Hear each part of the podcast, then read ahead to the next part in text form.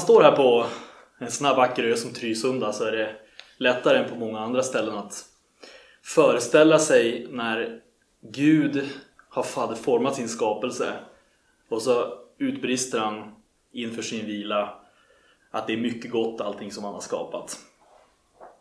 Predikaren säger i Bibeln att Gud har gjort allting vackert i sin tid och evigheten har lagt i människornas hjärtan. Alltså det finns någonting med själva naturen som också talar om det som ligger bortom. Det vi ser, det som är vackert och skönt pekar oss vidare mot det eviga.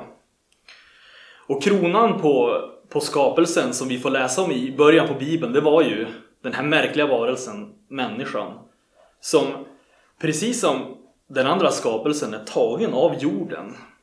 Alltså av samma stoff som allt annat i skapelsen. Men som Gud då tar och blåser in sin egen livsande in i. Och det här gör ju att människan får en särställning i skapelsen. Hon blir så att säga del av två världar kan man säga. Hon är en del av den här skapelsen. Vi delar som skapelse eh, förutsättningen för allting annat som lever. Vi behöver ren luft, vi behöver vatten, vi behöver näring och allt annat. En miljö som att trivas i för att frodas. Men också på samma gång då finns det också den här andra sidan att i oss har vi en koppling till Gud. En, en, någonting som gör att vi behöver ha en relation med Gud för att vara på den plats där vi kan frodas som människor. Och det är det här vi, vi kallar när vi, när vi läser Bibeln att människan blev skapad till Guds avbild. Att inget annat hade den särställningen, utan människan fick den. Och vi vet att den här unika ställningen som människan fick, fick hon också med ett ansvar. Gud sa till människan, eh, Adam betyder ju precis människa, sa till människan att ta nu hand om det här som jag har gjort. Det var en vacker trädgård, vi får bilderna av någonting underbart. Och Gud sa, ta nu hand om det här, råd över det här, vaka över det. Det var människan som fick den uppgiften. Och att vi inte alltid har gjort det på bästa sätt är ju smärtsamt uppenbart när vi också tittar oss runt omkring. Här på den här ön kanske man inte tänker på det när man ser sig omkring. Men vi behöver inte titta i många tidningar eller på tv-program innan vi ser att den här världen som vi lever i är inte i den balans, i den harmoni som Gud hade tänkt. Och Bibeln är väldigt tydlig, det var på grund av människan. Det var människan som föll från sitt ansvar. Det var människan som inte tog sin roll att vara vårdtagare av skapelsen. Aposteln Paulus skriver i Romarbrevet kapitel 8 från vers 22. Vi vet att hela skapelsen gemensamt fortfarande suckar och våndas. Och inte bara den, utan också vi som har fått anden som förstlingsfrukt suckar inom oss och väntar på barnaskapet, vår kropps förlossning. Säger Det finns en gemensam längtan i hela skapelsen som människan delar mest av allt. En, gemen, en, en längtan, en dragning tillbaka till den frid, till den harmoni som Gud ursprungligen skapade allting i. När vi har det bra, som sagt, när vi är på en vacker plats, när vi har mat och eh, kläder på kroppen så är kanske ropet inte så starkt. Men när saker går emot oss, när lidande kommer, när prövningarna kommer, så väcks det här ropet inne i människan. Att det här är inte så som det ska vara. Jag ska inte sakna det jag behöver för min, för min levnad. Jag ska inte vara utnyttjad av andra människor. Jag är iväg mer. Jag tillhör någonting annat. Det här finns inne i människorna. Och vi ser det eh, gång på gång runt om i vår värld. Det pågår nu när vi pratar. Proteströrelser runt om i världen. Som reser sig upp. När den mänskliga anden blir nedtryckt och liksom förkrympt så reser sig någonting inne i människan som säger nej. Vi tillhör inte bara du kan inte göra vad du vill med mig. Därför jag tillhör någonting mer. Jag är större. Jag är en del av någonting mer.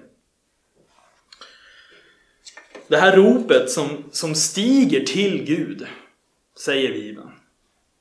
Det är högt.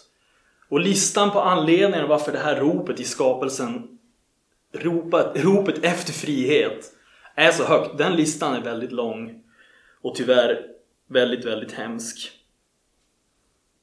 Vi ser runt omkring oss barn som lägger sig hungriga och mammor och pappor som maktlösa tvingas se på när de tynar bort i deras händer. Vi ser familjer på flykt i stora flyktingläger, de har ingen aning vad deras framtid är för någonting. Vi har talat om kvinnor som tvingas in i situationer och i relationer som de inte har valt, som deras familj kanske inte heller kunde välja och som innebär ett lidande för dem som vi inte ens kan föreställa oss, inte i närheten. Vi har hört talas om de här sakerna. Utöver allt det här alltså plågar sjukdomar fortfarande våra kroppar. Psykisk ohälsa är någonting som finns i vårt samhälle och som tyvärr inte verkar bli mindre. Utöver allt det så ser vi också och får läsa och veta att vår planet är plågad, naturen lider av exploateringar, föroreningar och sådana här saker som, som smutsar ner Guds goda skapelse. Men vi som läser Bibeln, vi tror att varje tår är räknad av Gud. Vi tror att varje skrik i ångest och smärta är hört av Gud. Vi tror att varje suck från hans skapelse når in i hans tempel.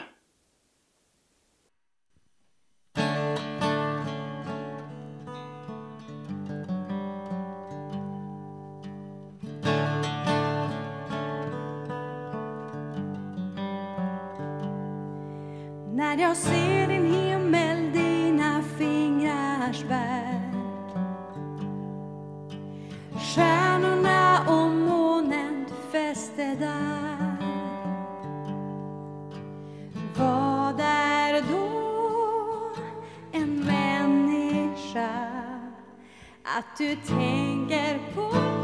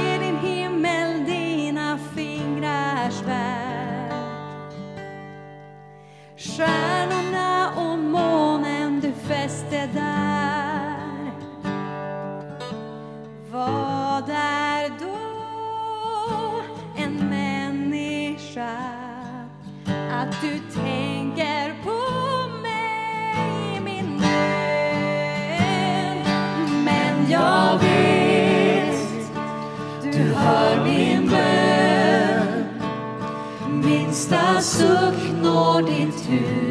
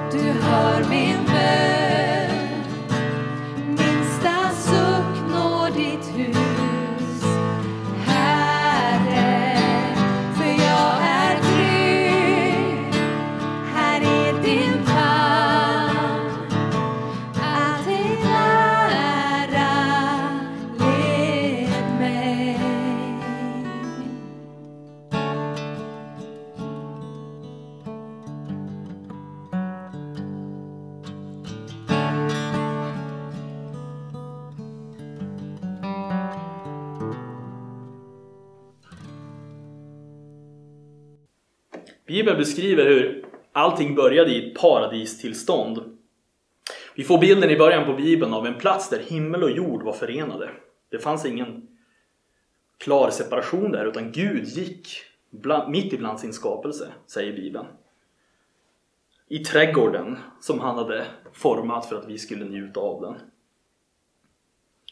Men vi läser då såklart att den här platsen gick förlorad. Människan blev kastad ut ur platsen där himmel och jord möts. Men människan kan inte göra sig av med sitt ursprung utan inne i varje människa så kan man formulera det som att det fortfarande finns ett eko efter paradiset. Som drar oss, som får oss att tänka att jag tillhör en verklighet av frid och harmoni. Jag tror alla människor längtar efter den här friden. Om vi handskas, det tar sig olika uttryck därför att vi är olika och vi handskas med det på olika sätt. Men alla längtar vi efter platsen där vi gör hemma. Platsen där det inte finns några tveksamheter. Där man är helt välkommen. Där man är självklar. Där man är medbjuden. Där man tillhör. Där man är älskad för den man är. Inte någonting annat.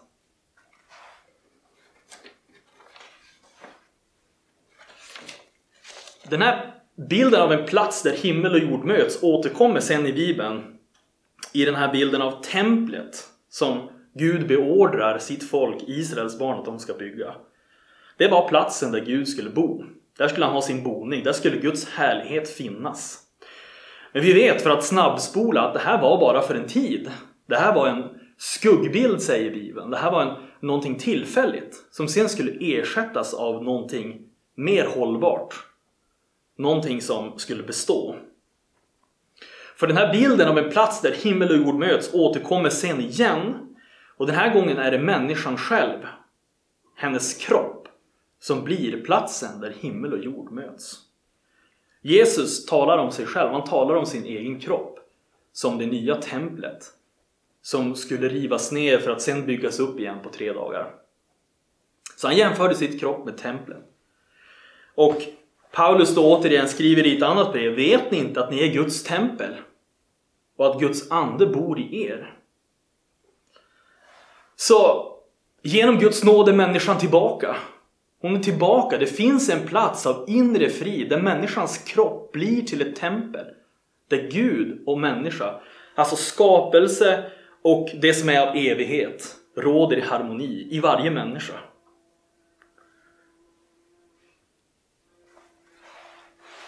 Och eftersom vi är förenade med Kristus så är vi också förenade med det vi kallar, och det Paulus i Bibeln kallar för Kristi kropp, kyrkan. Vi blir en del av en ny familj. Som inte beror på mänskliga blodsband utan på att vi tillhör Jesus Kristus. Jag vill läsa ett bibelord om det från Efesierbrevet kapitel 2. Ni är uppbyggda på apostlarnas och profeternas grund, där hörnstenen är Kristus Jesus själv. I honom fogas hela byggnaden samman och växer upp till ett heligt tempel i Herren. Och i honom blir också ni sammanbyggda till en boning åt Gud genom Anden. Så å ena sidan våra kroppar, men inte i separation från andra människor utan tillsammans i den här byggnaden som Gud bygger upp, där hans härlighet bor.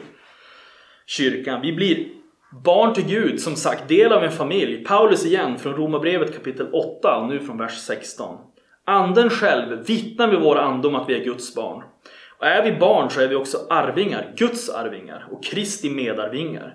Lika visst som vi lider med honom för att också förhärligas med honom. Så Guds ande, man kan beskriva det som att det här, vi talar om friden, den här platsen av harmoni, det är vårt arv. Bibeln beskriver det som att det är vårt arv. Och Guds, när Guds ande tar sin boning i oss så får vi en försmak på det här. Och vi läser hur några författare i Bibeln som har fått smaka detta så starkt så att de slits. Det finns ju till och med någon sång att det sliter i de jordiska banden därför att vi upplevt någonting, en försmak av friden. Som gör att vi bara undrar och längtar. Hur ska det bli när Gud har gjort klart allt? När tårarna är torkade. Hur kommer det se ut? Ja, vi längtar. Vi, vi väntar på den dagen när Gud ska göra sitt verk. Men ännu delar vi skapelsens börda. Därför vi är en del av den här skapelsen. Människans öde och skapelsens öde hör ihop. Jag fortsätter i Romarbrevet kapitel 8 från vers 18. Jag menar att den här tidens lidanden inte kan jämföras med den härlighet som ska uppenbaras och bli vår. Själva skapelsen väntar och längtar efter att Guds barn ska uppenbaras.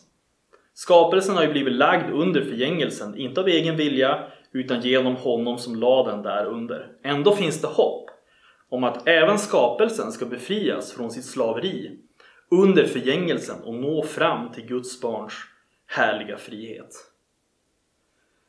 Skapelsen ska befrias. Skapelsen är lagd under ett ok. Slav under någonting som inte var meningen. Men hon ska befrias. Vad betyder det här? Ja, min övertygelse personligen är att den räddningsoperation som Gud kommer att göra den innefattar inte, den är inte en flykt ifrån allt det här. Utan det är en räddningsoperation av hela skapelsen. Det är inte dess förgörelse utan dess förvandling. Det finns en teolog som heter N.T. Wright, väldigt känd teolog. Han brukar skämtsamt säga Heaven is great but it's not the end of the world. Ett skämtsamt sätt att säga att om vi tror att det andliga är någonting som är helt skilt ifrån det vi nu ser runt omkring oss så kan, kan vi ha missuppfattat vad Bibeln säger. Men vi, det är inte lätt att föreställa sig det här. Det, är inte, det här är någonting som, när Paulus ska beskriva vad som ska hända med våra kroppar den dagen när vi får nya kroppar så är det ju någonting som han famlar efter orden. Vi vet inte exakt, vi har inte bra ord för det här. Men det är någonting vi måste, vi vill ändå ha bilderna, vi har fått bilderna för att vi ska kunna se och förstå att det här är någonting ljuvligt som kommer att ske. Därför räddningen är inte heller en flykt från våra kroppar utan vi får ju precis som det står i Bibeln nya kroppar. Vi tror och bekänner att kropparna ska uppstå. Och de kommer inte vara exakt som förut. De kommer inte vara lagda under det här oket, det här slaveriet utan fria. Och vi vet att det är så många människor som längtar att få vakna upp utan smärta och känna att kroppen fungerar. Ögonen, öronen, allting fungerar. Lederna. Paulus som vi läste, han säger att alla som har Guds ande i sig väntar eh, på sin kropps förlossning. Alltså varför säger han så då? Han, att, som vi läste i första bibelordet, att de, vi väntar på våra kroppars förlossning. Att den frihet som vi har smakat på insidan, när Guds ande har tagit sin boning i oss, ska också gälla våran kropp. Och den ska inte gälla bara min kropp, utan den ska gälla allas kroppar och den ska gälla hela skapelsen. När friheten är total, när Guds rike råder som Kristus kom för att förkunna för oss. Jag vill avsluta. Vad gör du, kära vän som lyssnar, med den frihetslängtan som finns inom dig? Lyssnar du på den eller har du tystat ner den när den kommer? Där du själv känner att det finns någonting mer, det finns någonting, jag tillhör också en annan värld. Lyssnar du på rösten? Hör du kallet från någonting mer än bara det här världsliga som vi ser runt omkring oss? Jag skulle uppmana dig, stanna till, lyssna på den. Kämpa, sluta inte kämpa. Ställ, lägg inte locket på när du känner att det kommer en, någonting som kallar dig till något högre, större. Sök friden. Om du har det bra, så kom ihåg att tacka Gud för att det är för det som är gott.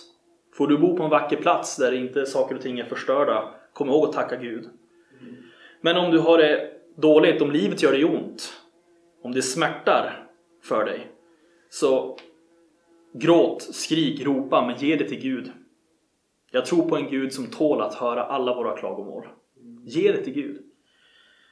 Bibeln säger att om vi ger Gud våra hjärtan, våra tankar, våra önskningar så ska hans frid som övergår allt förstånd bevara våra hjärtan och våra tankar.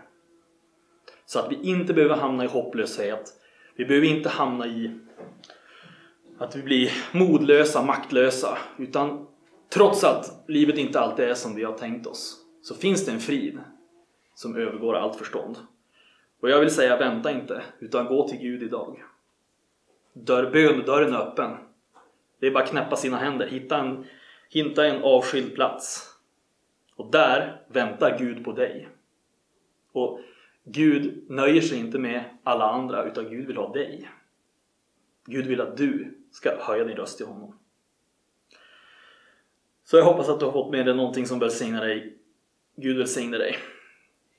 Vi vill tacka Kenneth Mattebo för det här fantastiska budskapet som han delade med oss den här gudstjänsten idag. Tack också till eh, hela lovsångsteamet som har lett oss i lovsång och tillbedjan och också till all teknisk personal som har gjort den här gudstjänsten möjlig för oss att sända härifrån Trysunda kapell.